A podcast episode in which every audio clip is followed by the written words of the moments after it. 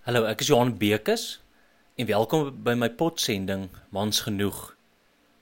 Dit is episode 5 en die tema waaroor ek gesels is die begeerte om dankie te sê.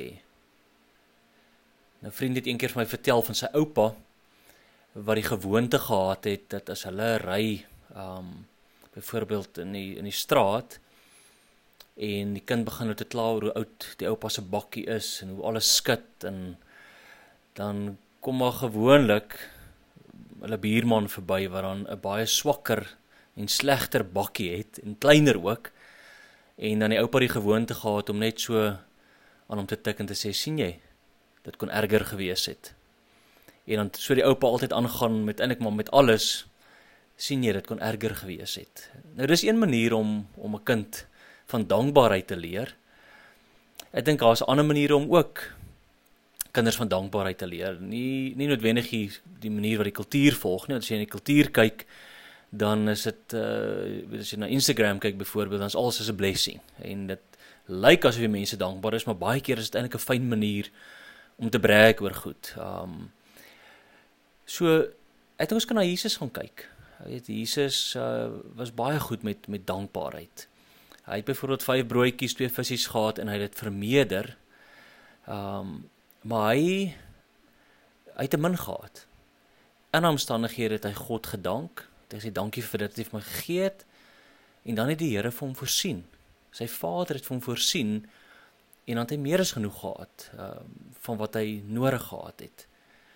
En daar kan ek 'n paar stories van Jesus vertel wat gesê maar wat is in my hand? Wat het ek? Ek is dankbaar daarvoor. En dan is daai bietjie is vermeerder.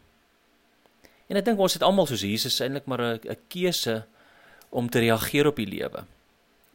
So ons um, interpretasie van dit wat rondom ons aangaan, um, kan ons na 'n plek vat van van bitterheid of afguns of na 'n plek van dankbaarheid. As jy nou kyk, as jy 'n reaksie het van vergelyking op jou omstandighede of dit wat in jou hand is, dan uh, gaan jy baie vinnig bitter of selfs ek wil amper sê afgunstig raak en baie negatief. Want dan gaan altyd iemand wees wat wat meer as jy het. Maar ons doen dit. Ons vergelyk die hele tyd. Um en op so 'n manier word dankbaarheid eintlik by ons gesteel. Die ander reaksie kan wees, weet jy, ek my dankbaarheid is gewortel in die realiteit van dinge is Carl Jung of Erasmus wat gesê het die realiteit is genooid of ongenooid. God is teenwoordig. So as jy op 'n plek kan kom waar jou dankbaarheid nie gebou is op perfekte omstandighede of goeie reën of genoeg geld of maar jou dankbaarheid is gebou daarop dat dat God is hier by my teenwoordig. Ek dink dan kan ou uitbaar soos die Psalm 136 wat die hele Psalm gaan dat die die die die psalmdigter maak 'n opmerking oor God en eindig dit met sy liefde hou nooit op nie. So die eerste vers op Psalm 36 loof die Here want hy is baie goed. Sy liefde hou nooit op nie.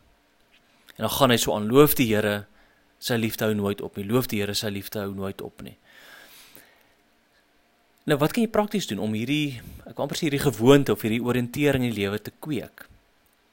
Ek dink prakties, jy kan in in asseblief, dis nou nie 'n 'n dames ding nie wat ek hier voorstel nie. Ehm um, ek dink dit is 'n menslike ding. Weet, kry 'n dankbaarheidsjoernaal en, en gaan skryf neer. As jy nie 'n joernaal wil hê nie, vat sommer papier wat daar in jou bakkie is of in jou kar is en skryf net neer tik op jou selfoon.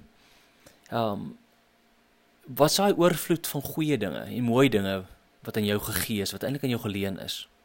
Kinders, besittings, gawes, geleenthede. Um, guns wat jy beleef. So skryf hy goed neer en dan praat met die Here oor dit. Sê vir hom wat voel jy daaroor? Bespreek en wees in gesprek met hom oor jou dankbaarheid. 'n Tweede ding wat jy kan doen, jy kan dalk 'n dankbaar brief skryf. 'n WhatsApp of miskien 'n brief as jy tyd het.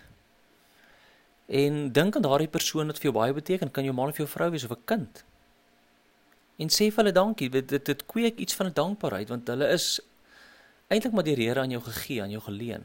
Maar skryf 'n brief vir hulle en sê Sê vir hulle dankie. Wys jou dankbaarheid. Ek wil jou regtig uitnooi in die week om dan ook bewus te raak van hierdie vergelykingsding wat ons het. Moenie fokus op wat jy nie het nie, fokus op dit wat jy het. En wees mans genoeg om 'n gewoonte aan te kweek waar jy dankbaarheid en daai begeerte van dankie sê vervul. En onthou Paulus sê in 1 Korintiërs 16 vers 13: Wees waaksaam, staan vas in die geloof, wees manmoedig en wees sterk. Mooi week vir jou.